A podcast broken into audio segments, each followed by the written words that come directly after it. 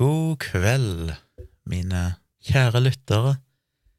Det er natt til tirsdag 26. oktober, og det er podkast-tid igjen.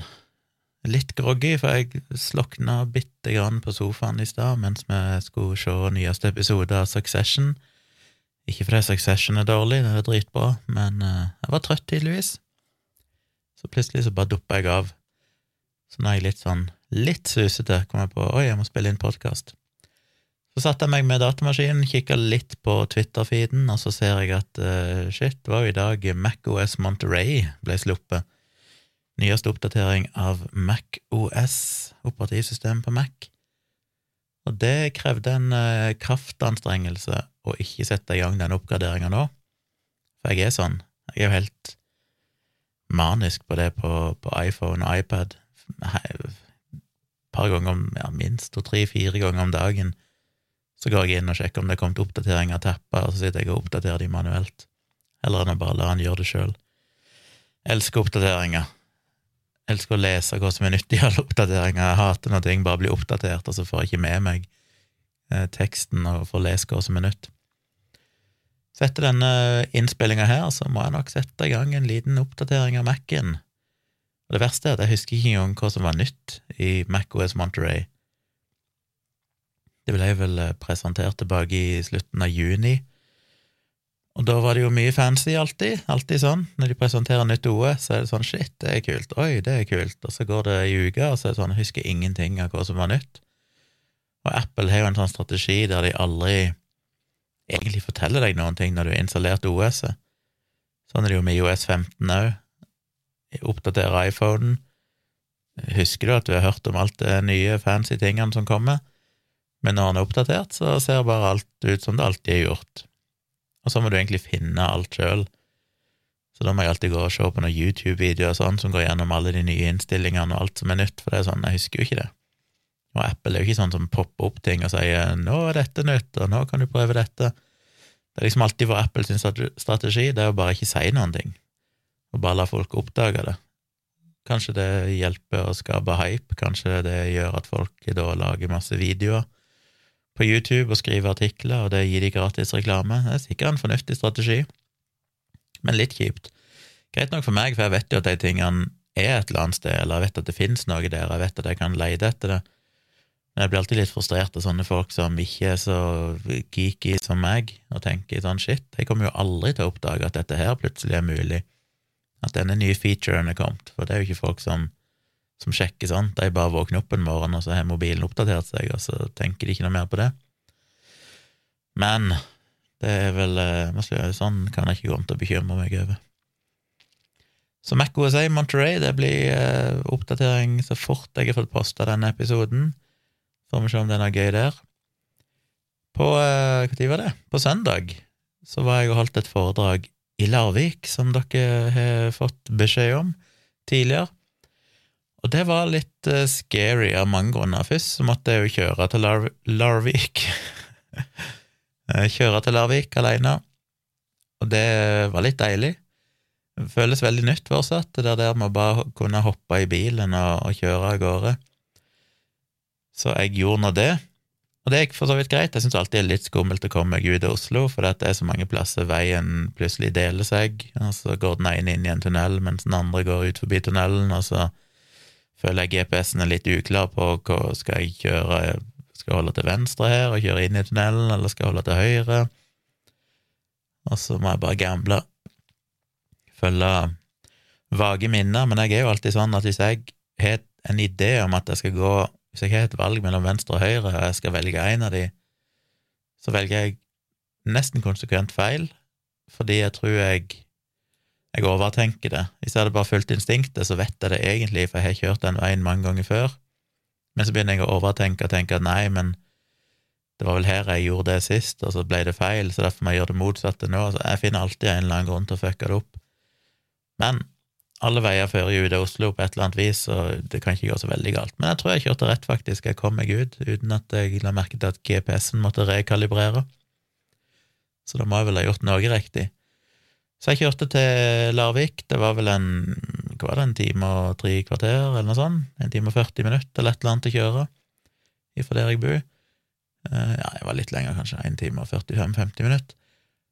Og så fant jeg heldigvis stedet veldig enkelt og greit. Kom jeg inn der, eh, skulle rigge opp utstyret, og så er det jo, som det ofte er på sånne plasser, eh, det er jo kult å holde foredrag på universiteter og plasser der det er tilrettelagt for det, men så er det jo en del foredrag som er på sånne plasser som dette, som er et sted som egentlig ikke er beregna for å ha noe foredrag eller skjerm, så de har rigget opp en provisorisk lerret som står på en kasse og en prosjektor og sånn, og da blir en alltid litt sånn nervøs og tenker sånn Å, kommer dette her til å funke?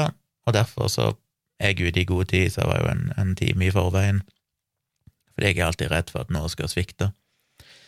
Men det gikk jo veldig greit. Eh, jeg tror det funka fint, selv om salen var litt delt i to. Det var liksom lerretet, og så gikk det en sal der de satte ut stoler, ikke en sal, men en, eh, det var en slags kafé der, og på sida av bardisken så sto lerretet, og så var det noen stoler bortover. Men oppe på venstre side av lerretet så var det sånn noen trappetrinn opp, og så var det et sånn lite innhukk der med noen vinduer, der òg var det noen stoler og bord. Og etter jeg var ferdig og drev og pakka ned, så hører jeg ei stå bak meg og sier at eh, ja, vi må få gjort noe med lyden her, for vi hørte jo bare halvparten av det som ble sagt. Så tror jeg ikke hun vet, la merke til at det var jeg som sto der, for jeg tror ikke hun hadde sagt det på den måten hvis hun visste at jeg hørte på. Men det var litt sånn, det er sånn shit, hvorfor sa dere ikke ifra? Ingen som fortalte det til meg underveis, da kunne jeg jo ha prata mer tydelig mot deg, eller et eller annet sånt, men men, men. Jeg satser på at de fikk med seg eh, det vesentlige. Men det var litt scary å holde foredrag igjen. Jeg var faktisk eh, litt nervøs, og jeg er ikke nervøs for å holde selve foredraget, men det er som alltid stresser meg, hver eneste bidige gang jeg skal holde et foredrag, er jo har for mye? Hvor lang tid kommer dette til å ta? Og jeg hadde jo et foredrag eh, ferdig som de hadde booka meg til, og så gikk jeg gjennom det for å liksom friske opp minnet hva det skal si, for jeg har jo ikke noe manus og sånn, men jeg bruker bare slidesene som eh, knagger til å huske hva jeg snakker om. Og det er jo over et år siden jeg holdt det foredraget nå, så jeg er nærmere halvannet år under pandemien og sånn. Og så, Men jeg kan jo de tingene, det er jo ting jeg snakker om i mange forskjellige sammenhenger, så stort sett så kan jeg det ganske greit. Men så begynte noen av eksemplene å bli litt sånn daterte, for de er mye knytta til håndbok i krisemaksimering, og den kom ut i 2016, og det foredraget ble i stor grad laga som en slags foredrag knytta til den boka, med mange av de eksemplene på hvordan folk eller media misbruker statistikk og, og skaper falske kriser, sånn, basert på nyhetssaker i Norge og utlandet. Så jeg fant ut at jeg må oppdatere den litt, og spesielt når det var pandemi, så må jeg jo finne et eller annet eh, aktuelt der og det gjorde jeg, så det var så greit. Jeg fikk oppdatert med en sånn pandemi- eller eh, vaksinemisforståelse, statistisk misforståelse som hadde vært i media, som er ganske gjennomgående og viktig for folk å forstå.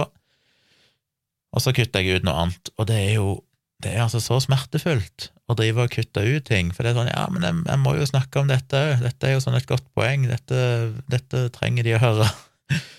men ettersom jeg la til noe, så måtte jeg kutte ut noe. Og så blir jo mer og mer pratsom, men det er kanskje en uh, yrkesskade fra å ha drevet med podkast nå så lenge, og, og, livestream der jeg sitter i to til tre timer og bare prater, fordi jeg har så mye på hjertet. Kanskje jeg må begynne med manus, kanskje jeg må bare ha et manus, ikke er skeier ut, men jeg, ender jo opp med å komme på ting hele tida som jeg bare jeg må bare si noe om det, og så ja, det er et eksempel jeg må nevne noe om. Så jeg sitter jo bare og lirer av meg ting som jeg føler er relevante, og prøver å redigere det i real time i hodet mitt mens jeg står foran publikum og syr det sammen til noe som, som skal gi mening. Eh, og så ender jeg opp med å bruke egentlig altfor lang tid. Målet var jo at det skulle egentlig være rundt en time, men jeg snakka vel i iallfall halvannen time, og det var for så vidt greit nok, for totalt sett så var vel de innstilt på at det var greit, og vi holdt dere innenfor tidsrammen totalt sett men uh, irriterte meg litt.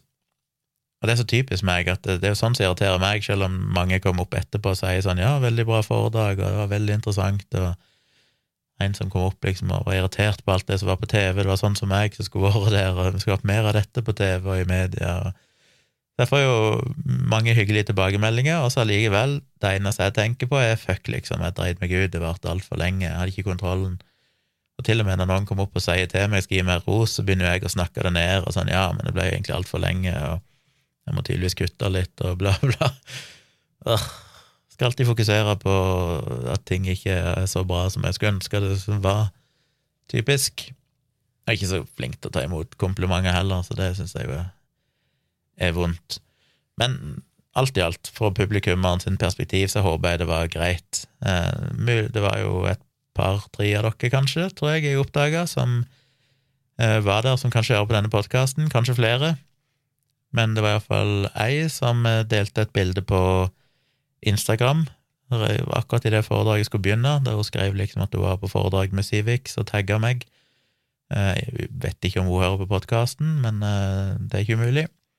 Og så var det én som kom opp og hilste på meg, det var veldig hyggelig. Jeg sa jo det i, i et par episoder før, at hvis noen av dere er der, så kom gjerne og si hei. Så vi slo av en prat, så det syns jeg var, det var trivelig. Det er alltid gøy å, å se folk i virkeligheten. Eh, plassere et ansikt på folk, og det, det overrasker meg alltid. Det, denne personen her jeg har ikke sett noe profilbilde av, eller noe sånt, men det var et par andre personer der som jeg har sett profilbildet til og kjenner navnet når de sier det. Da merker jeg at ja, det er det navnet det har sett i mange år på Facebook, ikke sant, i ulike sammenhenger. Jeg kommenterte og lika ting. Men jeg hadde aldri tippa at den personen så sånn ut, ut ifra det, jeg har sett på profilbildet, og det har gjeldt mange som har kommet og hilst på meg opp gjennom årene. Og når de da spør jeg liksom, ja, hva er navnet ditt, og så sier de navnet, og så tenker jeg å, shit, er det han? Eller hun. Det er jo ikke sånn de ser ut. Fordi da har jeg stort sett bare sett et bitte lite sånn 40-50 eh, piksler stort eh, profilbilde som der hjernen lager sin egen versjon av hvordan den personen ser ut. Og så har du et helt annet bilde av den personen enn det de er i virkeligheten. Og veldig ofte så kan det være et gammelt profilbilde og alt mulig rart, et bilde de har hatt i alle år og aldri bytta ut, og matcher ikke virkeligheten i det hele tatt. Så det blir jeg alltid like sjokkert av. Jeg syns alltid det er litt gøy å se hvordan folk egentlig ser ut. Men hyggelig å bli hilst på. Samtidig så merker jeg hvor sliten jeg blir av det. Altså, det er mentalt krevende å holde et foredrag og stå i halvannen time og forelese. Uh, av lærer til lærer, må jeg jo alltid si, når jeg uh, tenker på det. Selv om det kanskje blir litt annerledes. Men uh, her står jeg jo og har liksom alle øyne festa på meg, og jeg skal si noe som ikke er bare svada. Det er jo halvannen time med kompakt informasjon. som jeg er av og til redd blir for mye informasjon. At det kanskje drukner folk i ting. Men, uh, men ja, det er mentalt krevende å holde det gående. Og idet jeg starta, så så fant jeg ut at jeg må jo ha en slags innledning, så jeg måtte improvisere en eller annen Det var ikke så gjennomtenkt, jeg bare tenkte, jeg bare begynte å prate plutselig, og det var en sånn rar opplevelse, fordi det var en skikkelig ut-av-kroppen-opplevelse, der jeg analyserte meg sjøl utenfra mens jeg registrerte at jeg begynte å prate, og hadde to stemmer i hodet på en gang, en som var liksom stemmen jeg prata til publikum med, og en annen som kommenterte til meg at oi, shit, Oi, det var ok, liksom, skal du si det? Ja vel, så det, du tar den i dag? og det var merkelig, fordi jeg sto liksom på sida av meg sjøl og var litt sånn sjokkert over den ranten jeg bare satte i gang med i starten, som gikk litt på ja, hvorfor kritisk tenking er så viktig, og viktigere enn noensinne før, kanskje. Og, ja, jeg prøvde liksom å bare skape en introduksjon, da. Uh, og oppi det hele så glemte jeg jo å presentere meg sjøl, som jeg jo hadde fått beskjed om å gjøre, så jeg endte jo opp med å ha en lang rant i starten, og så når jeg kom hjem til Oslo igjen, så kom jeg på at oi, shit, jeg sa jo aldri hvem jeg var, og hva jeg driver med. Men det er interessant at munnen bare går av seg sjøl. Det, er da jeg tenker sånn, vi har jo ikke noe fri vilje. Det vi tror er fri vilje, er jo bare den der den der eh, klonen som står på sida av deg og analyserer det du gjør, og prøver å rasjonalisere det til å gi mening og virke som at dette, ja, dette var det du hadde tenkt å si, men det hadde jeg jo ikke i det hele tatt. Det var bare munnen min som satt av gårde og prata i vei, så for dere som var der, hvis det var idiotisk det jeg sa, så er jeg helt uskyldig. Det var den eh, bevisste delen av hjernen min som kicker inn et sånn halvt sekund etterpå, hadde ingen ansvar for for det som ble sagt, for det kom bare av seg sjøl, og det er fascinerende. Men igjen, en yrkesskade, tror jeg, av denne podkasten, for på mange måter så er det jo det jeg gjør nå. Sitter jo bare og prater her, aner ikke hva jeg kommer til å si om to sekunder. Det bare kommer ut ting, og så blir det en podkast, og det er en merkverdig greie. Eh, så fikk jeg solgt bitte grann bøker etterpå, og ikke så mange. Jeg fant jo plutselig ut at jeg var gått tom for håndbok i krisemaksimering, så jeg må bestille flere av de. Så jeg hadde kun placebo-defekten å selge, og fikk solgt noen eksemplarer av den, og det er jo alltid kjekt. Men det er jo et uh, Oppdragsgiver var jo Human-Etisk Forbund, og jeg tror nå som det er gått er det nå, sånn åtte år siden jeg ga ut den boka, så tror jeg de fleste enten har den eller har lest den, så det er ikke så lett uh, akkurat i det publikummet der, da, for den er jo gitt ut på Humanist Forlag og har jo vært promotert en del blant nettopp sånne folk. Så uh, ellers er de kanskje bare ikke interessert, men jeg holdt et foredrag for et år siden, og da solgte jeg ut alle bøkene, både placebo-defekten og håndbok i krisemaksimering, og det var jo samme, samme lokallag, faktisk. Eh, Larvik og Sandefjord. I fjor var det i Sandefjord, og i, i, på søndag var det i Larvik. Så, eh, så ja. Det er iallfall greit å få solgt noen bøker. Og så var det å kjøre hjem igjen. Og det var jo egentlig ganske trivelig. Det fine med den kjøreturen var at eh, jeg har jo klagd på det tidligere, at dette flytter opp her til Haugenstua, og ikke lenger går en lang spasertur til jobb og hjem igjen hver dag, så får jeg lite tid til å høre på podkast. Så det var litt deilig å få pløyd gjennom eh, en del podkast på bilens anlegg mens jeg kjørte. Så det var, det var en god ting. Og det får jeg jo i aller høyeste grad snart gjort igjen, for det nå nærmer det seg jo faretruende flytting. Og jeg er stressa. Det er ikke ofte jeg blir så stressa, men uh, jeg er rett og slett litt irritabel og stressa, for jeg føler det er så mye uavklart akkurat nå. Jeg prøvde å sjonglere alle de tingene som skal skje, og finne ut hva jeg skal løse det. Jeg måtte flytte på fotooppdrag og flytte på podkastinnspilling uh, der jeg skulle være gjest. Jeg skulle jo egentlig være gjest i kveld i denne podkasten som heter Dekodet, eller Dekodet, men uh, han var litt forkjøla og var litt groggy i stemmen og sånn, så han ringte og spurte om vi kunne utsette det, så det var for så vidt greit for meg, men når han utsetter det, så er jo ikke jeg lenger i Oslo, så da måtte jeg plutselig få det til å klaffe med en dag jeg er i Oslo.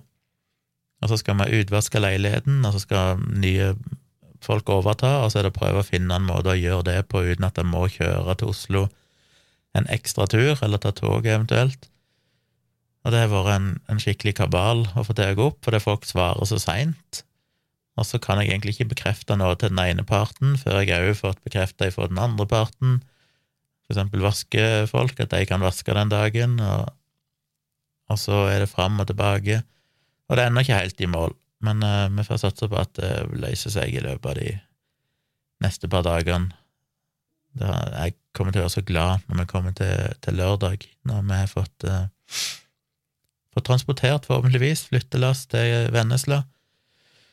Jeg blir jo ikke spesielt happy av å tenke på fredag, da vi skal kjøre til Vennesla fra Oslo for å overta nøkkel, og så må jeg egentlig, ja Skal treffe dattera mi og eksen min og vise dem boligen og sånn. Og sikkert chille bitte grann, selv om jeg har ikke noen møbler der og sånn, så det blir jo en tom bolig. um, og så må jeg kjøre tilbake igjen til Oslo samme dagen, og det å kjøre tur og tur Oslo-Vennesla det er noen som gjør det gladelig, og gjør det stadig vekk, sånne kjøreturer. Men for meg så er det i overkant. Men for å kose meg med podkast eh, på veien fra Oslo til Vennesla, så blir det jo sammen med, med Tone og Kyla og litt eh, bagasje, litt flyttelass. Uh, og på, når jeg kjører tilbake igjen til Oslo, så blir det aleine. Og det er alltid litt trivelig, for da kan jeg gøffe på med podkast som jeg bestemmer sjøl. Og så skal jeg da overnatte, da kommer jeg fram seint på kvelden her i Oslo, skal overnatte på en oppblåsbar madrass her, i en nedpakka leilighet. Og så må jeg opp grytidlig på lørdagen, for da kommer flyttefolkene klokka åtte på morgenen. Håper jeg er så nervøs for at ikke de skal komme. Jeg er så nervøs for at jeg har valgt et dårlig firma. Tenk om det er noen sånn upålitelig greie, og de bare fucker opp alt. Uh, jeg bare jeg skal være så glad når jeg ser de komme, og de bare begynner å bære ting ut, og vi ser at vi får plass, for det er jeg òg bekymra over. Får vi plass? Men vi fikk solgt dobbeltseng i dag, da. Plutselig var det noen som var interessert i den dobbeltsengen vi har på rommet, for den skal vi ikke ha med oss. Det vil si, vi hadde tenkt å ta den med hvis ikke vi fikk solgt den, men uh, For vi kunne ikke bare kjøre den på søpla, liksom. Han er jo bare to år gammel og ganske fin, uh, grei Ikea dobbeltseng med en god madrass. Men plutselig var det en som var interessert, og de eh, Ja, det minner meg på jeg må sette den som er solgt inne på finn.no. Men plutselig var det en som var interessert, og eh, de fikk han jo latterlig billig, og vi var bare sånn ja, ja, ok, vi må bare bli kvitt den. Og så måtte vi demontere den i går kveld, da, for de hadde ikke bil stor nok til å ta den uh, udemontert, og det var jo et helsike, det òg. Da finne ut hvordan vi skulle demontere den, for plutselig så fikk vi ingenting til å funke. Men det gikk nå til slutt, så fikk vi skrudd alt ifra hverandre og plassert det ut i gangen, og så kom de og henta det i kveld, og det gikk veldig greit, så da var det det var det ut av verden, én ting mindre å tenke på å flytte. Og så er jeg så usikker hvordan jeg skal forholde meg til de flyttefolkene når de kommer, for det, de er jo betalt for å gjøre alt av bæring og sånn, men det føles jo Hva skal jeg gjøre? Skal jeg bare sitte og se på de, liksom? Det, kanskje må bare gå en, en tur og høre på podkast i noen timer, et eller annet. Jeg kan liksom selvfølgelig hjelpe de, det er ikke det, men jeg er bare usikker på om det bare blir teit, for at de har vel sin plan om hvilken rekkefølge de skal ha ting i, hvordan de skal gjøre det, og så vet jeg ikke om de bare blir feil, at jeg begynner å blande meg inn. Jeg får høre med når de kommer, om jeg skal bidra med noe. Eh, jeg er jo bare glad jo raskere det gjenger, for jo raskere vi får pakka, jo raskere kommer vi til Kristiansand, eller Vennesla. Så jeg, jeg, skal være letta når det er gjort, og da pakker jeg litt inn i bilen sjøl òg, og så blir det å kjøre tilbake igjen til Vennesla på lørdagen, så da blir det jo tre turer Oslo-Kristiansand, eller to Oslo-Vennesla og én Vennesla-Oslo på to dager. Så blir det enda mer podkastlytting, og enda flere melkesjokoladeboller fra eh, Circle K eller skjellboller, som jo er verdens beste ting. Det er jo sånne ting som burde vært eh, ulovlig. Er altså, altså det er en det er jo bare en perfekt kombinasjon av fett og sukker og, og dritt som er bare livsfarlig. Den konsistensen på de, som er bare så deigete og saftig. Åh, og så legger de jo på deg sju kilo bare du lukter på de. Men det, det, er liksom sånn, jeg har en sånn unnskyldning når jeg kjører. Det er sånn, nei, men nå er, nå er jeg på en bedriten lang kjøretur, nå skal jeg unna meg en kopp kaffe på bensinstasjonen og hente noen sånne gode sjokoladeboller. Dimeboller har de òg. Eller skjellboller, alt etter hvor jeg stopper hen. Så det blir litt snakking på veien, men det, det får han tillate seg, så får jeg heller faste igjen når vi flytter inn i ny bolig. Så ja, det var foredrag og, og litt flytteprat. Um, jeg har jo redigert ferdig bildene fra fotoshooten min på Brasseri Hansken. Det føles godt. Som jeg har snakka om mange ganger, så er jeg alltid like usikker på redigeringa. Jeg brukte jo altfor lang tid som vanlig og vanskelig å velge ut, men jeg, følte når jeg fikk valgt ut uh, fikk valgt ut en, uh, ja, forhåpentligvis de beste, selv om jeg oppdaga i dag plutselig at ett av bildene en eller annen grunn ikke er kommet med, et av de bildene jeg er sikker på jeg valgte ut. Men kanskje jeg valgte det bort i siste liten av en eller annen grunn. Men ja, uansett, de har fått et lass med bilder, fikk vel 83 bilder eller et eller annet sånt. Eh, så fikk jeg heldigvis da i dag en mail, da, eller var det i går, en mail der han sa at eh, ja, det var veldig bra bilder. Jeg er jo alltid så nervøs fram til jeg får den der bekreftelsen. Liksom, likte de dette? Ble det bra? Er de fornøyd? Det er grusomt. Jeg tar det jo så alvorlig. Jeg vil jo liksom det skal være Ja, jeg vil jo så gjerne at det skal være veldig bra. Eh, og det er jo litt av problemet mitt. Jeg må på sikt prøve å bli litt mer kynisk, litt mer effektiv, og ikke legge altfor mye arbeid i det, for det er dårlig butikk. Men det er bra i starten uansett, å lage så godt jeg kan, og så håper jeg at jeg klarer å opprettholde like bra kvalitet, eller egentlig selvfølgelig at det blir mye, mye bedre, men ved å bruke mindre tid, bare fordi at jeg blir mer erfaren og får litt mer rutine på det. Men jeg fikk i hvert fall levert de og fakturerte i dag, da. Jeg turte endelig å fakturere de nå som jeg fikk en bekreftelse på at de var fornøyd. Uh, og så mm, gjør jeg, har jeg gjort det i dag, som jeg har sagt lenge jeg skulle gjøre, og det var at når jeg har fått tatt de bildene på basserihanskene og ferdig å redigere de, så har jeg på en måte et litt variert utvalg jeg kan bruke til promotering av restaurantfotograferinga mi. Så i dag har jeg laga en promomail, en markedsføringsmail. Jeg bruker et, eh, et program, holdt jeg på å si, eller et eh, nett, nettløsning som heter BeFree, B-e-e-f-r-e-e.io, som jeg oppdaga for lenge siden og brukte litt i firmasammenheng, Vi har jo brukt Mailchimp og sånn til å sende ut eh, mailer til kunder, nyhetsmailer, litt promomailer og sånn.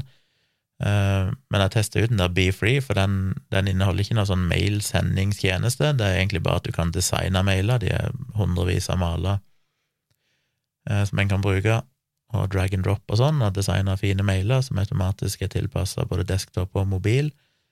Og så kan du eksportere den og basically bare lime det inn i en mail og sende av gårde med en vanlig mailklient. Så det passer meg fint nå, for jeg skal ikke bruke noe mailchimp og sånn til dette her. Men det er jo så vanskelig å selge seg sjøl. Jeg hater jo meg sjøl i hver eneste podkastepisode når jeg markedsfører kritisketenkere.no eller Patron eller sånn. Det er grusomt. Prøve å selge bøker etter foredrag, for eksempel, det er jo det åh, Det er altså det verste som fins. Å stå der som en uh, fuckings uh, iskremselger og, og håpe at noen kommer opp og vil kjøpe ei bok av deg for du har tatt med deg en kasse, og det, det, virker så patetisk å stå der, og alle bare går ut. Så jeg blir alltid glad bare det er én person som kommer opp og, og kjøper, så ser det iallfall ut som jeg selger noe, da er det ikke så flaut lenger.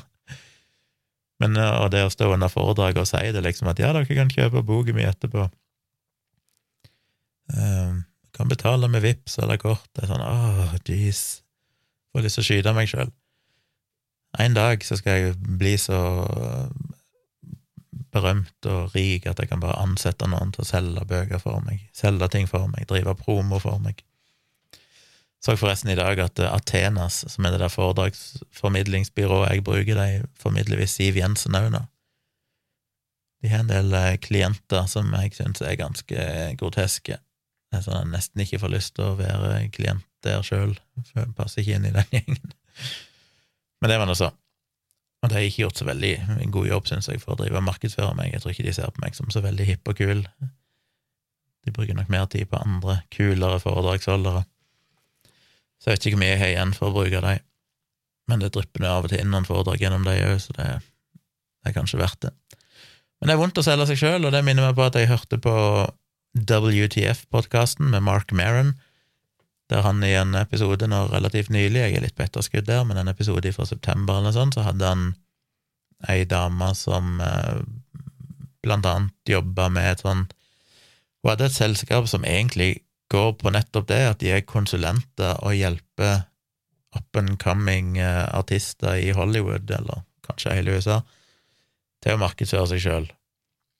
Og hun snakker jo om det samme, at problemet er jo det at alle syns det er så kleint, alle hater det jo, det er helt grusomt. Å skulle liksom selge seg sjøl og fortelle at 'å, dette er så bra, jeg kan tilby dette, sjekk dette ut'.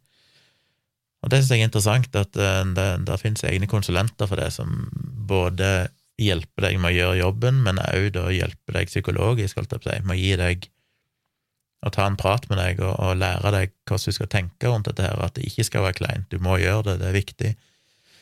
Eh, så det sier jo litt om hvor grusomt det er når det finnes folk som driver egne konsulentvirksomhet bare for å fortelle, hjelpe folk som tilsvarende meg, da, bare mye større, i uh, andre plasser, om at dette her må du bare gjøre, dette Det er vondt, det er smertefullt, men sånn er det. Så dere får huske på det hvis dere syns det blir mye egenreklame, men jeg skal jo prøve å få noe igjen for de timene jeg bruker på alt dette her, så da må jeg jo tørre å prøve å selge meg litt òg. Jeg hadde jo et møte med Arakataka i dag, som er den andre restauranten jeg tar bilder for, for å planlegge neste shoot der, som er på onsdag. Da skal jeg inn igjen på kvelden og ta litt eh, bilder. Da blir det en litt kjappere seanse, for det er andre shooten. Da skal jeg bare levere litt færre bilder. Og da har jeg jo litt mer kontroll på ja, på lokalene og folkene og hvordan ting foregår der, så det er blir ikke så mye utprøving, og så har jeg jo nå hatt et møte med han i dag og snakka litt med han, funnet ut hva de ønsker seg, eh, så da vet jeg litt mer hva jeg går til på onsdag. Ja, jeg skal jo ha møte med Kafé Hansken på onsdag for å gå gjennom de bildene jeg har levert til deg, så det håper jeg han, han faktisk er fornøyd, og da skal vi vel òg planlegge litt neste fotoshoot der. Men jeg har laga denne promomailen, var det jeg begynte å si, som er kleint, men jeg, jeg, jeg, har jo sendt ut noen sånne mailer før som gjorde at jeg fikk eh, den første kunden min av Rakataka. Og det var jo bare en tekstmail. Da bare satte jeg meg ned og skrev 'Hei, jeg er en fotograf som bla, bla, bla, bla, bla, det kan tilby sånn og sånn'. Jeg hadde ingen referansebilder eller noen ting, men heldigvis så var restauranten Rakataka kul nok til å, å, ta sjansen på at eh, det syns de hørtes kult ut, så jeg syns alle skal belønne dem med å gå og kjøpe seg en middag der, som takk for at de var modige. Og for så vidt hos Brasseri Hansken òg, hvis dere er i Oslo. Fordi det syns jeg er kult av de, å, å ta sjansen på en eh, relativt fersk fotograf. Men da har jeg iallfall i den promomailen så gjør jeg litt mer ut av det. Da har jeg et skikkelig design og kan vise noen av bildene mine og skrive litt um, At det ser litt mer proft ut. Så nå er det bare å finne ut hvem jeg skal sende den til. Det er ikke så lett å finne kontaktinformasjon til disse restaurantene, ofte som man sender til booking at, og så bare håper at de videresender det til rette person, for det er den eneste adressen som er synlig. Så jeg får bare pumpa ut mailer. Så begynte jeg å tenke på GDPR og sånn, sånn shit, hva er det egentlig er lov til å sende? Jeg husker iallfall for gamle dager, når det gjelder sånn spam og sånn, så kan du sende til kontaktadressen til et firma, men du kan ikke sende til personlig adresse. Eh, men er det noe annerledes der i forhold til GDPR? Gudene vet. Det er krevende, men jeg får bare Jeg finner vel ut av det. Uh, ja, som jeg nevnte, så ble den podkasten utsatt, så det blir den dekodet. Det skal vi da gjøre i mm, andre lørdag i november, blir det vel. Så da kommer vel den på et eller annet tidspunkt. Men i den sammenheng så slo det meg at han, han sendte først en mail og sa at han hadde vært forkjøla i ti dager, og var egentlig stort sett frisk igjen, men var litt tett i nesa og sånn, og bare lurte på om, om jeg ville utsette, eller om jeg var komfortabel med å, å gjøre det, med tanke på risiko for å bli smitta og sånn. Han hadde sjekka at det ikke var covid-19. Uh, og så sa jeg at Så tenkte jeg sånn ah, fuck, jeg, jeg kan virkelig ikke bli sjuk nå, det er jo helt krise hvis ikke jeg kan kjøre fram og tilbake til, mellom Vennesla og Oslo og organisere flytting og alt dette her. Det må jeg jo bare gjøre, så jeg kan ikke bli sjuk. Samtidig så har jeg jo ikke hatt fuckings forkjølelse på all den tid. Jeg måtte inn og google fort og bare sjekke hva er den primære smitteveien med forkjølelse. Er det luftsmitte, dråpsmitte, eller er det via kontakt? Og da er det jo begge deler, for så vidt, men den primære smittemåten er jo via hendene. Så da tenkte jeg at ok, um, hvis vi holder litt avstand, og ikke har håndhilse på han, alt dette her, så er det vel lite sjanse. Altså, forkjølelse smitter jo Det er jo for eksempel lite forkjølelsesvirus i spytt, så det er egentlig trygt å kysse noen som er forkjøla. Det er ikke noe særlig smitterisiko knytta til det, men det er jo mest i slim og snørr og sånne ting. Så det er jo når du hoster og nyser, at det kan flyge ut dråper av slim og snørr, og det er der viruset finnes, det finnes ikke i spyttet i munnen, liksom. Så med mindre han hoster veldig eller nyser eller et eller annet sånt, så er det jo fortsatt relativt liten sjanse for at det flyger partikler med virus, så det er jo primært den håndsmitten da som er det viktige. Kan jo selvfølgelig brukt munnbind, men det er litt upraktisk når en spiller inn podkast. Men, eh, men så endte det jo på at han ringte meg Eh, seinere og sa at han var ikke så i god form allikevel, så vi utsatte det tross alt. Men jeg måtte sjekke det, og der sto det jo at det var vanlig å ha Det var ganske vanlig å være forkjøla ifra hva var det sto, fire til sju ganger i år, eller et eller annet sånt crazy tall. Eh, og det stemmer nok for barn, i det minste. Og sikkert for voksne òg, som har barn, barn i barnehage, barn i skole og sånn, så er du forkjøla en del. Men jeg har jo virkelig ikke vært forkjøla nå på flere år, tror jeg. Og omgangssjuke, som jeg òg pleide å ha iallfall én gang i året, at jeg hadde oppkast, har jeg heller ikke hatt siden Det må være sju-åtte år siden sist jeg hadde det. Så jeg, jeg, skjønner ikke eh, hva som er skjedd. Det er klart det, det er to faktorer som spiller inn her. Det ene er jo at jo, jeg har jo blitt et sunnere menneske de siste fem årene. Etter jeg fant ut at jeg skulle gå ned i vekt og la om kostholdet. Kanskje det har en betydning.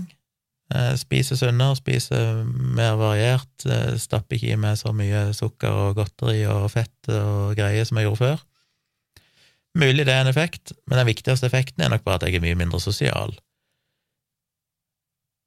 Men jeg håper jo på en måte at jeg òg har fått et bedre immunforsvar, fordi jeg er jo ikke jeg, jeg treffer jo folk i ny og ne, jeg er jo i nærheten av folk som har symptomer, men jeg plukker det aldri opp. Dattera mi har jo vært her flere ganger, vært småforkjøla jeg er alltid like sikker på at å, nå kommer jeg til å bli forkjøla, men så blir jeg aldri det. Så, eh, så det syns jeg er litt deilig. Og uansett så skulle jeg ikke tro at sånn som et norovirus, eller hva det heter, skulle være så avhengig av eh, kostholdet mitt, eller at jeg liksom er sunnere. Det virker bare som ja, Selvfølgelig så er jo det veldig avhengig av at jeg plukker opp smitten ifra noen, og det gjør jeg nok kanskje i liten grad. Men eh, jeg har en sånn liten følelse at mitt immunforsvar er blitt solid, kanskje fordi jeg spiser sunnere, gudene vet. Aner ikke hvor mye det her sier, jeg har ikke egentlig så mye tro på at det, det har sånn dramatisk effekt, selv om og jeg spiste jo ikke så crappy tidligere heller, det var ikke sånn at jeg levde på, på uh, fastfood, liksom, det var det ikke. Men ja, anyway, jeg får bare prise meg lykkelig med at jeg nesten aldri er sjuk lenger. Jeg kan ikke huske hvordan det var å være forkjølelse. Jeg kan ikke huske hvordan det er å ha vondt i halsen, for det er så lenge siden jeg har hatt vondt i halsen. Og før i tida så var det jo hele tida, det var minst en gang i året så hadde jeg vondt i halsen. Men ja, og bihulebetennelse som kom i kjølvannet, det var alt dette her, men uh, ingenting lenger. Så som jeg har sagt, Menneskeforakt er jo den beste vaksine. Hold deg vekk fra folk, så holder du deg frisk. Eh, så fikk jeg en, eh, en mail om flytteprosessen, eller flyttevalget mitt, og det setter jeg pris på, fordi jeg sa jo i forrige episode at jeg syns det er kult om folk har lyst til å, å sende meg spørsmål som jo kanskje er litt mer personlig art. Og jeg fikk en mail ifra en som sikkert kan få lov å, å, være anonym uten at han skriver det, men han, eh, han vet hvem det er når han hører det. Han Ja, jeg, skal jeg lese den? Jo, jeg kan lese den. Han skriver Hei, Gunnar, takk for en veldig fin podkast som blander det tunge vitenskapelige med litt personlig innsikt i livet ditt. Jeg setter pris på begge deler. Du oppfordret til personlige spørsmål, så da våger jeg meg på et par stykker. Som familiefar selv, som bor i leilighet med kona, en fireårig gutt og en til på vei, midt i Oslo sentrum, syns jeg det er forståelig, men litt synd når mine venner velger bort sentrum for mer plass andre steder. På samme måte syns jeg det er litt trist at dere flytter, selv om jeg regner med at produksjonen din av podkaster ikke kommer til å lide under det. Allikevel har jeg ikke helt skjønt hvorfor dere gjør som dere gjør. Det virker som om de to hovedgrunnene deres er at dere vil ha mer plass, og at du vil være nærmere datteren din. Sistnevnte kan selvfølgelig være et altoverskyggende argument for flyttingen, men det er vel ikke så altfor mange år før hun skal flytte hjemmefra for å studere eller lignende, kanskje til og med til Oslo. Samtidig virker det som at jobbene dine kommer til å kreve svært mye pendling til Oslo eller Østlandet uansett. Det andre motargumentet mot flyttingen var at Tone hadde en jobb hun likte veldig godt, som hun må gi slipp på. Kanskje også et vennenettverk som det blir mye vanskeligere å treffe. Hun har ingen tilknytning til Sørlandet annet enn gjennom deg, så vidt jeg har skjønt. Med summen av disse argumentene lurer jeg på hvordan det gir nok mening for dere å relokalisere til Vennesla. Det er absolutt ikke ment som kritikk, bare nysgjerrighet på om det er noe jeg ikke har fått med meg. Jeg hadde helt sikkert svelget mange kameler selv om det var for å være nærmere sønnen min. Så det var mailen. Og jeg, jeg sånn umiddelbart tenkte sånn at jeg kan ikke snakke mer om det, dette føler jeg jo jeg allerede er forklart. Men siden jeg får en lytter som tydeligvis har fulgt podkasten, som allikevel stiller det spørsmålet,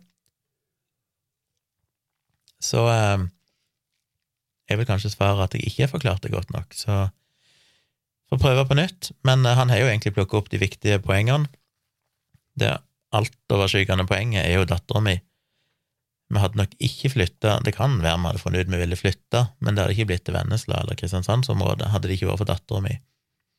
Ehm, jeg hadde nok ikke orka å flytte nå, sånn ellers, selv om jeg, som jeg har nevnt en del ganger tidligere, gjerne skulle hatt mer plass, eh, mer plass til YouTube-studio og podkast og alt dette her.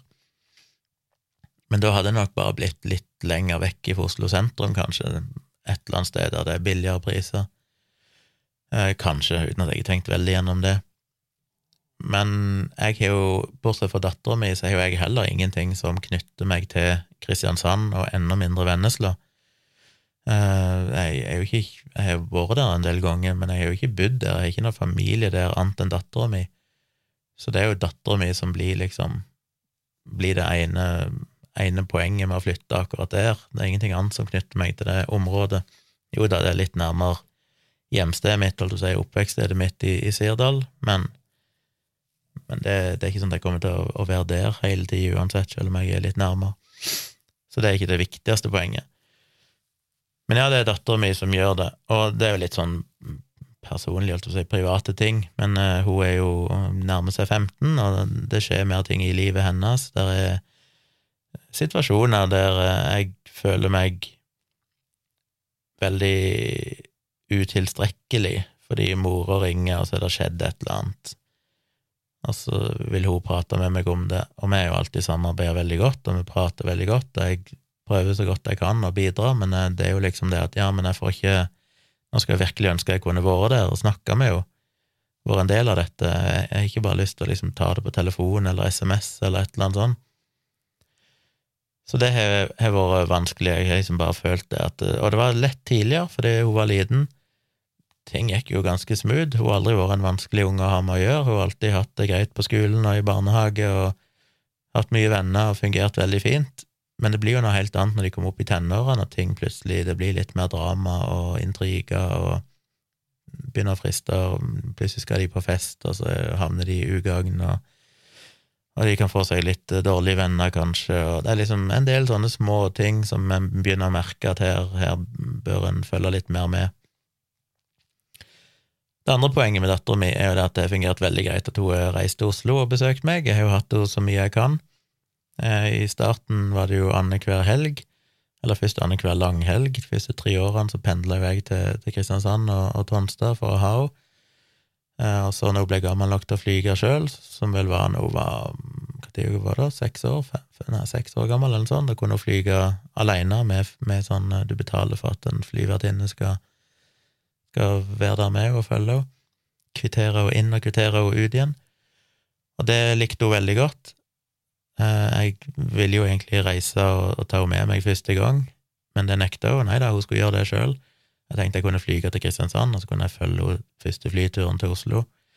Men nei da, hun skulle flyge alene, og det har hun gjort som en helt i alle de årene fram til hun ble tolv, og alltid elska det, syntes det var gøy å komme til Oslo. Vi har hatt det kanonbra i Oslo, for det, når hun er liten, så er det noe helt annet. Da kan jeg Da hadde jeg et eller annet opplegg hver gang hun kom. Vi gikk på Teknisk museum, eller vi gikk på Ekeberg eh, dyrepark, eller hva det heter. Vi traff venner, vi var ute og hadde faste rutiner på at vi gikk på Yo Sushi og spiste en dag, eller vi gikk på Ja, men det var alltid et eller annet vi gikk ut og gjorde. Jeg avtalte med folk jeg kjenner som har unger, og traff dem, så hun kunne treffe andre på sin alder. Det var liksom Det var lett, fordi at jeg bare lagde en plan, og så fulgte hun den.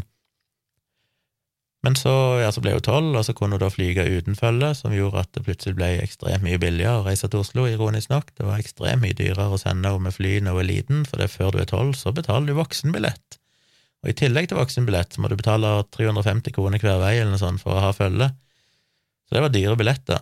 Men i det øyeblikket hun ble tolv, så trengte hun ikke følge lenger, og da kunne hun reise på ungdomsbillett, og ungdomsbillett er ja, en tredjedel av prisen, eller noe sånt av en barnebillett, som egentlig ikke fins, men det å reise alene som barn, da må du betale voksen. Så det var jo fantastisk, sparte vi jo så mye penger, for det har jo kosta ganske mye å sende henne to ganger i måneden med fly, eh, tur og tur. Men det er mye å spleise på. Og så eh, så kom, begynte hun å flyge alene, men så begynte hun å bli 13, og så tenårene, og så merka jeg jo at å, nå Fikk litt sånn signaler på at det var litt sånn Hun følte hun gikk av ting hjemme. Det var helg, ikke sant, vennene skulle plutselig et eller annet, og hun fikk ikke være med på det, for hun skulle til Oslo. Plutselig merka jeg bare at det ikke så stas for å reise lenger, og så ble vi enige om at ok, vi kunne redusere til hver tredje helg, for jeg ville ikke at det skulle være Ville ikke tvinge henne til Oslo hvis hun bare opplevde det negativt. Um, men så har jo, ja, så er kombinasjonen at uh, hun blir eldre, og ting skjer, og jeg har begynt å føle på at jeg bør være nærmere henne, og at hun sjøl har signalisert at hun syns det er vanskeligere og vanskeligere å måtte reise vekk hjemmefra og ta den turen til Oslo, pluss at hun er blitt en helt annen person. Hun er jo som en klassisk tenåring, ikke sant, hun kommer her, og så ser vi ikke så mye til henne, hun ligger på rommet sitt med mobilen. Uh, ikke sånn superengasjert på å være med på ting, prøve å få henne med på ting, men det er litt sånn åh, Alt er kjedelig, alt er teit, og det er liksom den der. Det er jo en.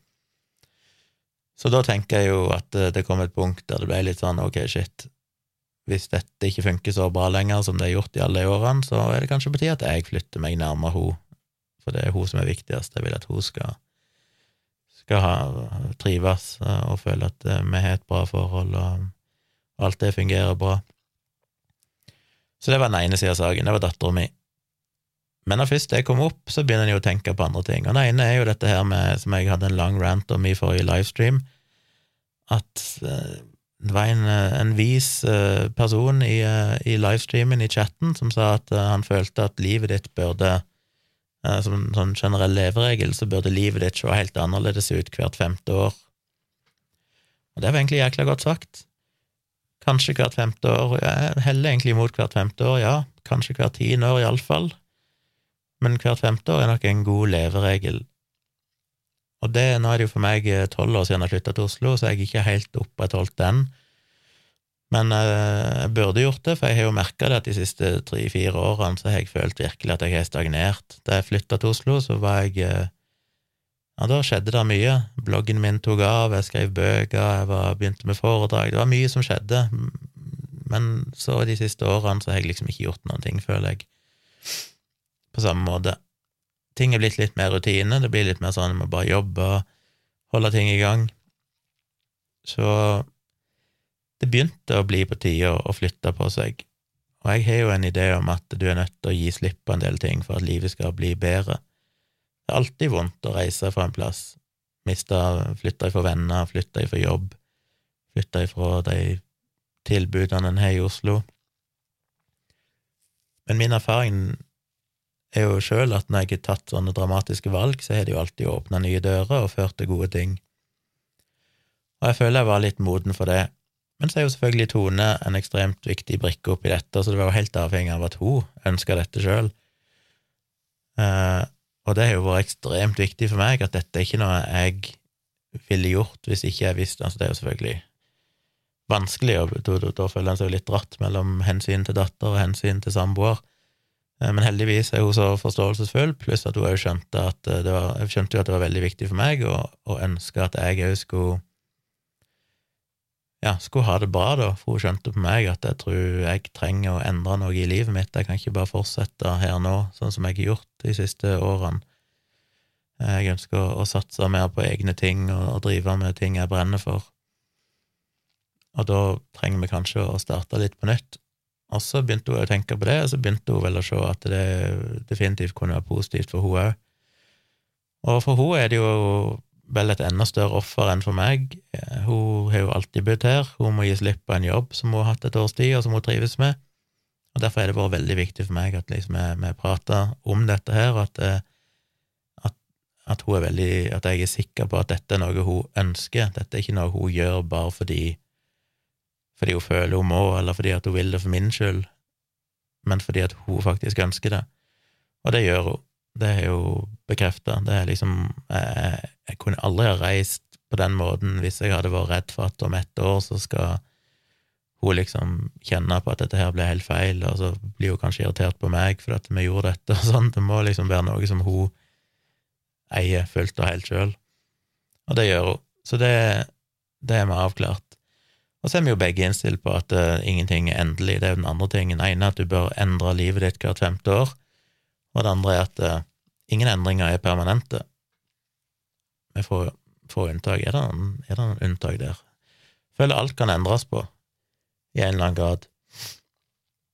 Og som uh, han som sendte mailen sier, det er ikke så mange år til dattera mi kanskje flytter, og det er jo vi veldig klar over. Det er jo vært litt sånn ventilen oppi alt dette. Det er sånn at ok, hvis vi, for det første, hvis vi mistrives veldig på Vennesla av en eller annen grunn, så har vi iallfall kjøpt dere tid, da, til å finne en bolig kanskje nærmere Kristiansand. Men da haster det ikke så mye lenger. Da, kan, da har vi et hus der, da er vi i nærheten av dattera mi, da er vi etablert der, og da kan vi heller bare følge litt med på finn.no og se om det dukker opp boliger og sånn, eh, og bruke litt mer tid på det. Nå ble jo alt litt sånn hastverk, vi, måtte, vi solgte jo leiligheten her, og vi måtte kjøpe en ny en, og da, da ble vi litt tvunget inn i, i det løpet vi gjorde. Eh, så det er det ene. Og det andre er jo at uh, skulle vi mistrives, så kan vi uansett flytte tilbake. Og dattera mi, uansett, kommer sannsynligvis til å Eller det vet jeg ikke, det kan godt være hun fortsetter å bo i Kristiansand og gå på universitetet der. Ehm, men jeg håper vel til en viss grad at hun har lyst til å reise til Oslo eller Bergen eller Trondheim, men det er jo Jeg, jeg var jo altfor treig med det sjøl, men det er definitivt sunt å komme seg vekk litt. Og uansett om hun blir i Kristiansand eller ikke, så kommer hun da tross alt til å være et eh, lite voksent menneske. Et eh, prevoksent menneske. Og ikke så avhengig av oss på den samme måten. Så uansett så, så blir det en litt annen situasjon om fire-fem år, når hun liksom er 19 år, eller noe sånt. Så da, uansett, kan det godt være med Vi aner ikke hvordan livet ser ut da, men da er det jo gått en ny femårsperiode, da er det kanskje på tide å, å flytte og endre livet sitt igjen. Så, så det er greia. Svaret på mailen er vel ja, dattera mi er den altoverskyggende argumentet, men nummer to, vi trenger å røske opp røttene litt og, og, få litt ny giv. Jeg trenger å, å få litt motivasjon, rett og slett fordi nå syns jeg livet er ganske kjedelig på mange vis. Jeg trenger å få en sånn boost. Og så ja, selvfølgelig er det en bonus at vi får eh, mer plass, det gir meg mer spillerom mine kreative utfoldelser, og Tone sine kreative utfoldelser. Eh, og så er det andre bonuser, som at ja, vi er litt nærmere mine foreldre, de begynner å bli gamle. Pappa er ja, 81 år, mamma er gammel hun, 64 Nei, 63, et eller annet sånt. Så det er klart at eh, Nei, 63, så er jeg 73, mener jeg. Det er ikke så stor aldersforskjell på de. Eh, men hun er over 70, pappa er over 80. Det er klart at eh, det er jo realistisk sett så er det jo snakk om få år før iallfall pappa kommer til å sannsynligvis ikke være så oppegående lenger, som han heldigvis fortsatt er. Og da kan det jo være greit å bo nærmere hvis noe skulle skje, så kan jeg på kort tid komme meg der.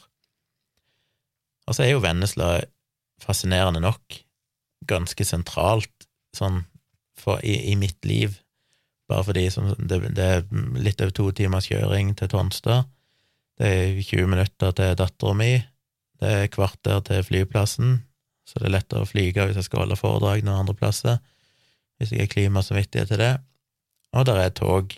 Togstasjonen bare et par minutter fra der vi bor, og da er det rett over fire timer med tog inn til Oslo, og i tillegg har vi bilen. Så det blir jo et sånn knutepunkt i livet mitt, jeg er liksom litt midt mellom både foreldrene mine, dattera mi, og har fortsatt den tilknytningen til Oslo. Så sånn sett er det ganske greit, egentlig.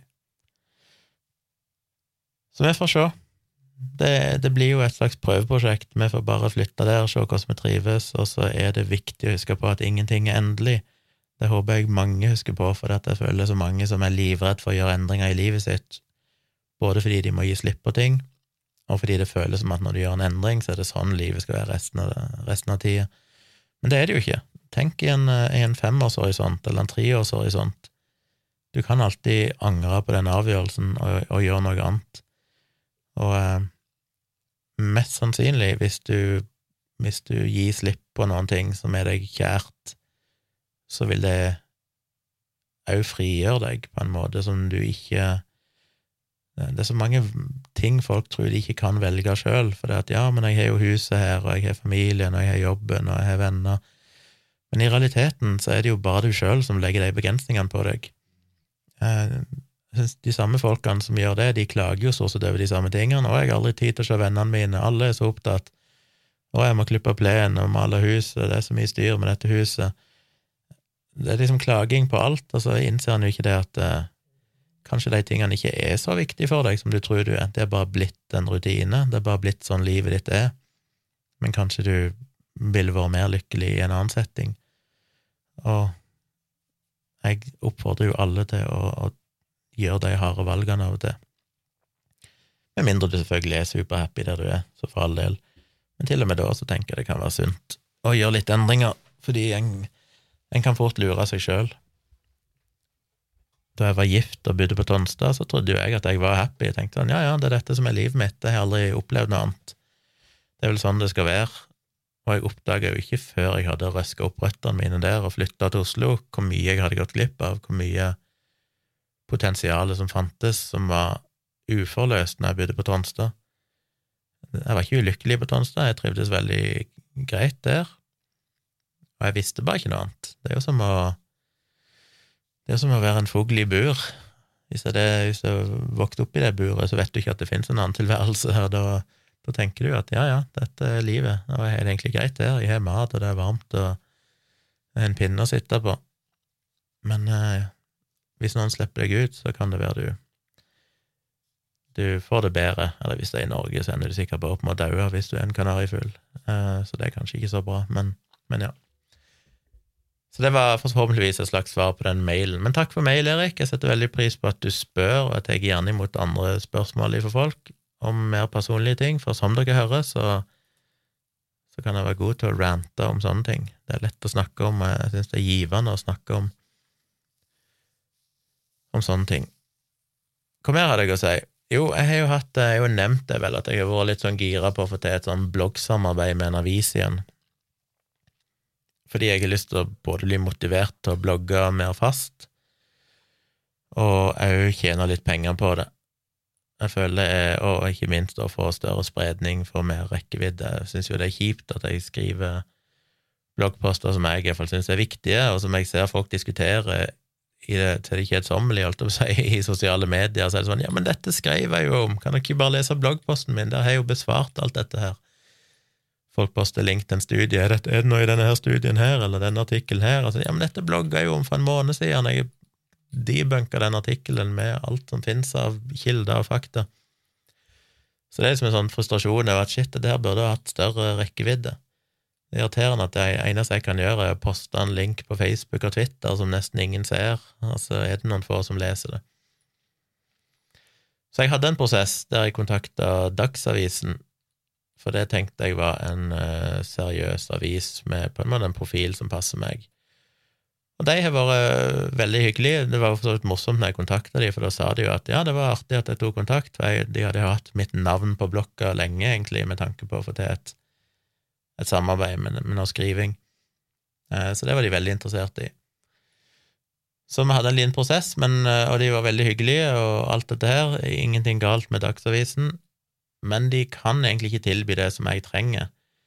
Eh, jeg har jo tidligere hatt en prosess med Aftenposten for noen år tilbake, og så ble jeg kontakta av Dagbladet for noen år tilbake som ville jeg skulle blogge for dem etter jeg hadde slutta med det nettavisen-samarbeidet jeg hadde i tre år. Men problemet med alle er at de har en sånn veldig gammeldags, tradisjonell, konservativ eh, modell, der de, de, egentlig bare vil du skal skrive for dem, og så skal de publisere det i avisen sin. Og da er det liksom, hvordan får du betalt for det? Jo, med Dagsavisen så var jo muligheten da var jo at de kunne plassere annonser på bloggen min, og så fikk jeg inntektene, eh, ja, ikke alt da, men eh, vi fordelte inntektene av de visningene av annonsene der. Men det er alt jeg får. Men selve teksten jeg skrev, hvis jeg skrev en bloggpost, og de ville bruke den, så ville de ta den og publisere den på dagsavisen.no. Og det var et samarbeid som i utgangspunktet var helt fair. Det ville gitt meg mer rekkevidde og alt dette her, men hvor mye ville jeg egentlig tjent på det? Fordi det ville ikke være noen ting som dreiv trafikk til bloggen min, da, fordi de publiserer jo teksten på dagsavisen.no, og de bare kopierer teksten. Uh, og ja, de hadde sikkert hatt en link som sa liksom uh, Ja, teksten ble henta fra tjomli.com eller et eller annet sånt, men folk klikker jo ikke på sånne linker hvis de får teksten der, så det vet jeg jo sjøl i bloggen min òg, hvor ut, utfattelig få som klikker på linker. Jeg har jo tonnevis av linker i bloggene mine fordi jeg har så mye kilder, men det er jo relativt få som leser de, det er liksom noen promille av alle leserne som faktisk klikker seg inn og leser kilder. Så det har jeg ikke noe tro på. Så ja, jeg ville jo fått annonseinntekter på den trafikken jeg allerede har i dag, men det er jo trafikk som jeg sjøl genererer gjennom at jeg poster ting på Facebook og sånn. Og så ville jeg kanskje fått litt økt trafikk gjennom et samarbeid med Dagsavisen, men det ville ikke betydd noen stor økning. Og når jeg regna litt på de tallene, hva, hva de kunne tilby liksom i i verdi for hver annonsevisning og sånn, og hvor mange visninger jeg har, så var det litt sånn, jeg vet ikke om det er verdt det. Ikke egentlig det jeg vil, tror jeg. En annen modell var jo at de ja, pluss at jeg følte at avtalen ble litt sånn skeiv, for da kunne de plukke bloggposter fra bloggen min, putte på sin avis, og de fikk jo alle inntektene fra annonsene i avisen, og der hadde jo selvfølgelig mye mer trafikk enn det som kom i bloggen min. Pluss at de òg kunne bruke teksten i papiravisen, og der får jeg ingenting igjen for, annet enn heder og ære og spredning av budskapet. Eh, men det er jo ikke noen annonsevisninger der uansett, og det er jo ikke noen mulighet for å ha linker der, så det er ingenting som driver trafikk til bloggen min. Så jeg følte jo de fikk veldig mye gratis, egentlig, mot at jeg eneste de kunne tilby meg, var noen annonser i bloggen min, men trafikken der måtte jeg sjøl stå for. Og det ble skeivt for meg, men det var det de kunne tilby. Alternativet var at de kunne gi meg vanlig honorar for å bruke tekster. Og det er etter min erfaring veldig dårlig betalt å være frilanser eller spaltist. Det er ikke det er ikke noen gullgruve, det er latterlig dårlig betalt, iallfall for en tekst, de type tekstene jeg skriver, der jeg kan bruke mange, mange mange timer på research og sånn for å skrive en tekst, og så skal du få betalt liksom Nå ga ikke de meg noe De sa aldri noe om honorar, så jeg aner ikke hva de hadde tenkt å betale, men ofte så kan det jo være sånn 1500 kroner eller et eller annet, og så har du jobba med en tekst i ti timer. Og det, det, det, er ikke Det er ikke det jeg er på jakt etter. Pluss at jeg hadde jo da heller ingen garanti for at de faktisk ville bruke noen av tekstene mine. Så det jeg likte med Og det var det samme med Dagbladet og Aftenposten og sånn, det er liksom den modellen de legger opp til. Og det er ikke det optimale. Det som jeg digga med Nettavisen, er jo at de hadde en modell som var framtidsretta. De kunne plukke bloggposter i bloggen min, jeg hadde annonser i bloggen min som vi delte inntektene av, men de publiserte ingenting på nettavisen. Det eneste de gjorde der, var å fronte mine bloggposter. Så hvis de fant en interessant bloggpost, så la de den på forsida si med et bilde og en tittel, men når du klikka på den, så havner du i bloggen min. Så da fikk jeg all trafikken. Så hvis, den, hvis en tekst genererte 100 000 visninger, så fikk jeg alle de 100 000 visningene, og så delte vi annonseinntektene.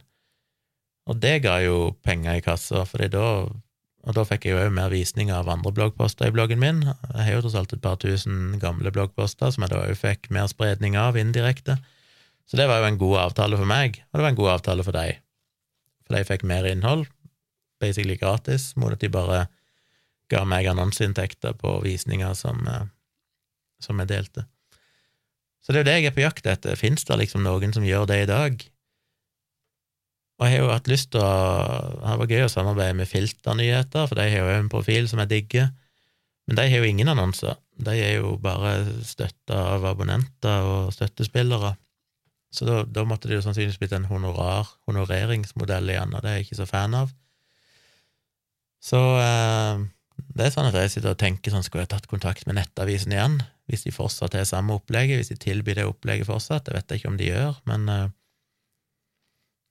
Grunnen til at jeg kutter ut Nettavisen, er jo fordi at jeg mer og mer mislikte deres redaksjonelle prioriteringer. Eh, da jeg begynte å blogge for dem, så var jeg en av veldig få utvalgte bloggere, men etter hvert så begynte de å plukke alt på den blogg.no-plattformen, og, og, hadde så mye søppel, syns jeg, da jeg følte nå har jeg skrevet en skikkelig viktig bloggpost der, denne må dere fronte, og så valgte de heller tre teite bloggposter fra Sofie Elise, liksom, og det er ikke overdrevet engang. Det var på et tidspunkt, det var det som var liksom fikk begeret til å Det var det begeret som fikk dråpen til å renne over, ikke hva jeg sier. Det var når jeg hadde skrevet en, en omfattende, gjennomarbeida tekst om eh, økonomien i å ha flyktninger til Norge, og så tipsa jeg de om den tre-fire ganger og sa hei, jeg skrev en ny bloggpost, vil dere bruke den? Fikk aldri noe svar. Altså, samtidig så hadde de tre fuckings bloggposter av Sofie Elise samtidig på forsida. Og da var det litt sånn, ok, dette, dette er ikke sånn som intensjonen var opprinnelig. Så det var en av grunnene til at jeg fant ut at da, da vet jeg ikke om jeg gidder mer. Og jeg tjente jo gode penger på det, jeg tjente jo 150 000-200 000 i året på det, så det var jo Det var jo vanskelig å si nei takk til 200 000 i året for noe jeg gjorde uansett, som var å blogge, bare fordi at jeg sånn prinsipielt sett ikke var fornøyd med deres redaksjonelle valg, men eh, jeg følte prinsippene var viktigst. Men kanskje de har skjerpa seg, hvis de kunne hatt en modell nå der de fokuserte litt mer på Og de har jo det, de har jo hatt en del oppryddinger og oppgjør opp gjennom tidene blant annet i kjølvannet av ting som skjedde med min blogg, med hun Trude Helen Hole alt dette her, da de fant ut de måtte stramme litt inn på hva de faktisk eh, tok inn av random blogger. Så Men det føles jo Det føles litt ekkelt å samarbeide med Nettavisen, for jeg er jo i Jeg syns jo de publiserer mye søppel, Og samtidig så var jo alltid argumentet, for det mente jeg jo til en viss grad når jeg begynte å samarbeide med de òg for mange år siden, men argumentet for var jo dette her med at ja, men kanskje det er nettopp de som trenger det mest. Det er nettopp det publikummet som trenger å lese mine tekster, for ellers blir det bare preaching to the choir. Så det er jo det sterke argumentet for å eventuelt vurdere det igjen, så jeg driver og ruger litt på den tanken. Jeg aner ikke om Nettavisen er interessert i å ha noe med meg å gjøre lenger. De sa jo det når jeg kansellerte, så sa jo Stavrum det flere ganger, at eh, må bare ta kontakt når som helst hvis du ønsker å inngå et samarbeid igjen. Og da tenkte jeg bare ja, ja, det er iallfall ikke aktuelt. Men kanskje det kan være aktuelt allikevel, og hvis han fortsatt mener det, selv om tidene jo forandra seg, og deres businessmodell businessmodeller og redaksjonelle valg har jo endra seg, så det er ikke sikkert det gjelder lenger. Men i, han sa det iallfall i den tida, så selv om det sikkert var tenkt på litt kortere sikt enn bare en, en eh, ja, Hvor lenge er det siden? Fem år siden han slutta å samarbeide med dem, eller noe sånt fem-seks år. Ikke sikkert han tenkte så langt fram i tid. Men jeg er i en prosess. Vil gjerne høre hva dere tenker om det, hvis dere har noen innspill rundt det. Syns dere det er verdt det? Er det Er det ok å samarbeide med Nettavisen? Har dere tips til andre aviser som kanskje kunne hatt en passende modell? Vil gjerne høre hva dere har å si. Dere er jo mange der ute som kan mye om mye forskjellig og kanskje er noen kontakter og inside information som dere kan dele med meg, så send gjerne mail til tompratpodkast at gmail.com hvis dere har noen ideer å dele. Eh, før jeg avrunder, så må jeg bare si bitte grann om de veganergreiene mine, fordi etter den eh, episoden for et par episoder siden, da jeg snakket om eh, dette med å spise insekter, og, og snakka litt om dette her med etikken i å drepe dyr og spise dyr og sånn. Så var det en lytter som, som eh, skrev til meg og, og hadde spilt denne podkasten for ei venninne som tydeligvis var litt sånn kritisk til det jeg sa, og mente at eh, hvis jeg fortsatt eh, spiste melk og egg, så kunne jeg ikke kalle meg veganer, eller et eller annet sånt. Tydeligvis var litt kritisk til det, da. Og det var jo en kritikk jeg syntes var litt rar, for det er jo veldig tydelig på sjøl at jeg er jo i så fall beste fall pesketarianer, jeg kan ikke kalle meg veganer, fordi jeg spiser melk og egg, og jeg har jo, sa vel til og med det i den episoden, dette her med at rent etisk sett så er det definitivt problematisk å drikke melk, for eksempel, eller spise ost eh, og egg, fordi at det òg innebærer jo mye av det samme problemene som det å spise kjøtt men at jeg har satt, satsa på en sånn eh, soft-versjon av veganisme, som kanskje da kan bli strengere og strengere etter hvert som jeg venner meg til det. Og, og, det er jo en prosess jeg føler jeg ønsker å fortsette med.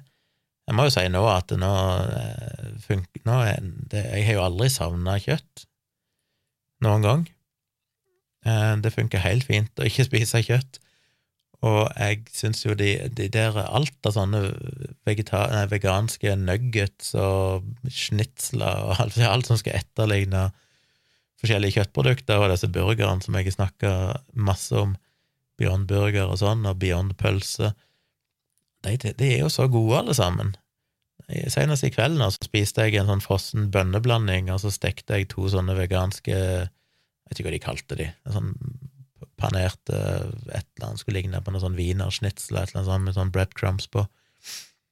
Og jeg klarer ikke å smake forskjell. For meg er det sånn dette her smaker jo akkurat som om det skulle vært en kyllingnugget eller et eller annet sånt. Eh, konsistensen og smaken og alt er helt ypperlig. Så det er overhodet ikke noe savn etter noen ting. Det betyr ingenting for meg om man er, om man er vegansk, eller om man hadde vært laga av ekte kjøtt. Så det er jo veldig greit.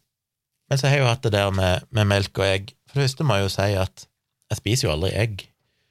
Eh, når jeg sier at jeg spiser egg, så er det fordi at jeg ikke sjekker om det er egg som ingrediens i noe av det jeg spiser.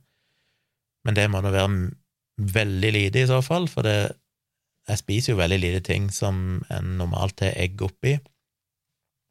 Uh, så det kan være en eller annen ting jeg spiser som har egg som en ingrediens, men det må være forsvinnende lite. Så om en vil kverulere over det, at ja, ja, men det er ikke, det er ikke null, så kan en gjerne gjøre det. Men i utgangspunktet tenker jeg jo, som mange har sagt, og som jeg òg syns er veldig viktig, at hvis alle hadde halvert bruket sitt av, animalske produkter, eller bare redusert med 10% eller 30 så hadde jo det hatt en enorm betydning. Heller enn at en skal gå og hakke på folk som kanskje ikke lever perfekt, og si at ja, men du har noe egg i kosten din fortsatt, og da er det ikke noe vits i. For det er noe helt annet enn at jeg til koker egg og lager speilegg og spiser kylling i øst og vest og sånne ting, som jeg gjorde før. Sånn man har virkelig kunnet verdsette at eh, jeg er gått ifra å spise kylling og egg til å nå kanskje bare av og til så kan det finnes egg noe, som en ingrediens i noe. Eh, det andre er jo dette med melkeprodukter og ost. Jeg har spist ost fortsatt, og jeg spiser yoghurt. Det er liksom de to tingene primært, og der er melk i. Jeg drikker jo ikke melk, det har jeg aldri gjort. Men kan det erstattes med noe fornuftig? For jeg begynner å slite på påleggsfronten hvis jeg ikke kan spise ost. For det er liksom en av de tingene jeg har igjen, det er liksom ost med syltetøy som jeg kan ha på, på et knekkebrød eller et eller annet sånt. Uh, og jeg er veldig glad i brunost, så det, det, føles litt vondt. Og jeg er veldig glad i yoghurt som mellommåltid, yoghurt og musli og sånne ting. Uh, yoghurt har begynt nå da å prøve å erstatte med Jeg kjøpte en, en shitload med sånne Alpro, er det dette? Alpro-yoghurt med forskjellige smaker for å teste ut dem. Og det kan jeg nok venne meg til. De er litt rar konsistens, litt mer tyntflytende og klumpete og sånn. Eh, det er ikke den samme creamy konsistensen som ekte yoghurt, men det er for så vidt bare en vanesak, tenker jeg. Så det skal jeg nok kunne gjøre. Så jeg, jeg har nok et slags mål om å prøve å bytte ut yoghurt med, med veganske varianter. Og da gjenstår osten. Og der er det jo vanskeligst per nå, syns jeg. Jeg har prøvd veganske oster. Ingen av de er spesielt gode. Alle er veldig spisse i smaken og smaker litt sånn kunstig og beskt. Eh, så der er jeg fortsatt på jakt. Hvis det er noen av dere som har et veldig godt tips til en vegansk ost, som faktisk gulost eh, Det finnes vel neppe noe vegansk brunost. Det er sikkert ikke noe marked for det. Men hvis det finnes, så hadde jeg satt pris på det òg. Men det viktigste er egentlig gulost. Men eh, kanskje jeg bare må kutte ut osten helt på et eller annet tidspunkt, og bare innse at ok, det, det må jeg bare gi slipp på. Eh, så det Jeg tror jeg skal komme i mål på et eller annet tidspunkt der med å stort sett, om det ikke blir 100% så iallfall redusere det til veldig ubetydelige mengder. Det kan være jeg fortsatt kommer til å spise en pizza i ny og ne med ost på. Fordi det, det, er ikke pizza uten ost, føler jeg. Eh, men sånn generelt sett så, så er jeg langt på vei redusert det ifra fullt konsum, daglig konsum av alle disse tingene, til tidvis marginalt konsum, og det tenker jeg er en god ting. Eh, hva er det jeg tenkte på som står igjen? Jo, så er det jo da eventuelt da fisk, som er det siste jeg spiser, som faktisk er kjøtt, og der er jeg faktisk mer usikker, fordi der er jeg litt mer usikker på etikken i det, om jeg helt klarer å overbevise meg sjøl om at det er så etisk uforsvarlig.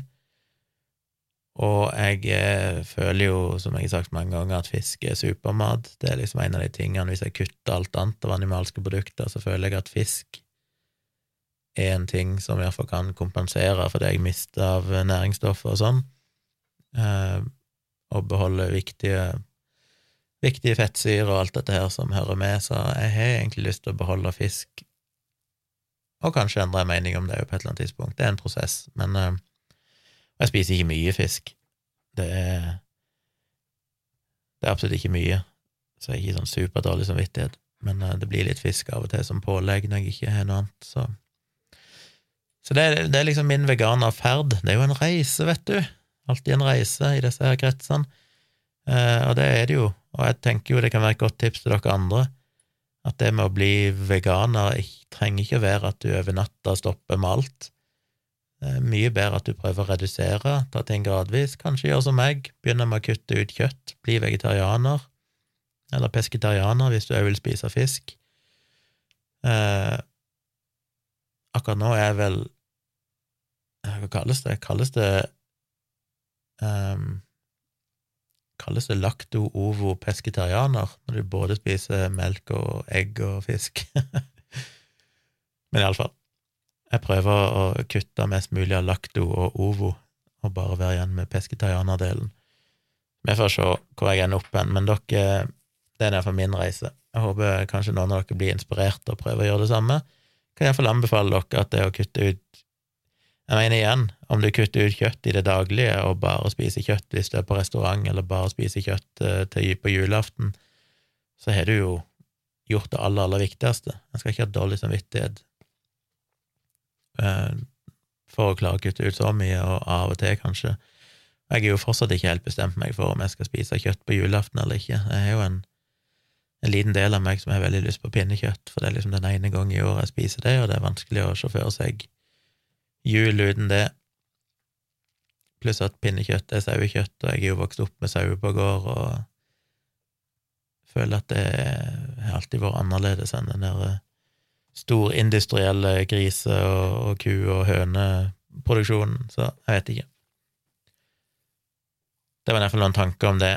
Og så må jeg helt til slutt si at eh, jeg vet ikke om det blir noen episode på fredag, fordi på fredag så kjører vi jo til Kristiansand, eller Vennesla, og det vil si at på torsdag så er liksom aller siste fristen til å få pakka ned alt, alle tingene her. Da må alt datautstyr, skjermer, mikrofoner, kamera, alt må ned i kassa, og et eneste måten å få spilt inn en episode da, det er hvis jeg spiller inn en tidlig episode, men jeg, jeg tviler på det. Så jeg kan nok nesten med sikkerhet si at det blir ikke noen episode på fredag, men jeg skal prøve å få rigge opp igjen alt i løpet av helga, lørdag og søndag, og på mandag morgen så får jeg òg fiber installert i boligen. Så da skal jeg prøve å få spilt inn episode på mandagen, da, og komme med en episode på tirsdag. Så om ei uke så satser jeg på at jeg er ute med en ny episode, men det kan bli ei uke til, som sagt. Og det blir ikke noe livestream på fredag kveld med meg og Tone. Jeg skal prøve å få til en livestream i kveld, eh, tirsdag 26. oktober, altså. Det blir den siste livestreamen før flytting. Men det blir ikke noe på fredag, og kanskje det blir en livestream neste tirsdag ifra ny bolig, hvis jeg har fått rigga opp alt, og internett funker og alt dette her. Så det blir jo spennende. Da får dere se et nytt opplegg, selv om det neppe er ferdig. Da er det fortsatt ikke ganske mye. Da mangler jeg møbler og mangler alt mulig rart, men jeg kan få rigga opp kamera og basic lys og sånne ting, iallfall, så så følg med. Men det blir ikke noe livestream og ikke noe podkast på fredag, altså, så vet dere det. Da har jeg fått ranta litt mer om livet mitt. Håper dere fant det underholdende. Send mail til tompratpodkast at gmail.com hvis dere har feedback på noe av det jeg har sagt, eller har spørsmål eller andre tilbakemeldinger dere vil gi. Minner dere på at bøkene mine kan bestilles inne på tjomli.com slash bestill.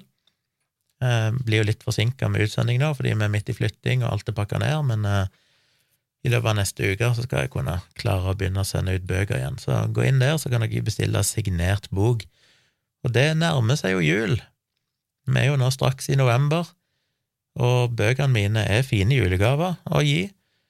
Så bestill gjerne et par, tre, fem, ti av de, så kan du gi de til folk du elsker og hater, folk du tenker kan trenge å lære litt om kritisk tenking og alt dette her kan være en god julegave, spesielt når det er signert av forfatteren sjøl. Så hvis du bestiller det som julegave, så skriv gjerne det som en kommentar i bestillinga, så jeg kan eventuelt skrive en julehilsen, en god jul, hvis de skal pakke det ut på julaften.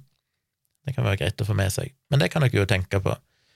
Så eh, stikk innom tjomli.com slash bestill for å sjekke ut boktilbudene mine der. Ja, det var vel alt jeg hadde å si. Takk for at du lytta så langt og så høres vi vel igjen om ei uke ifra Sørlandet.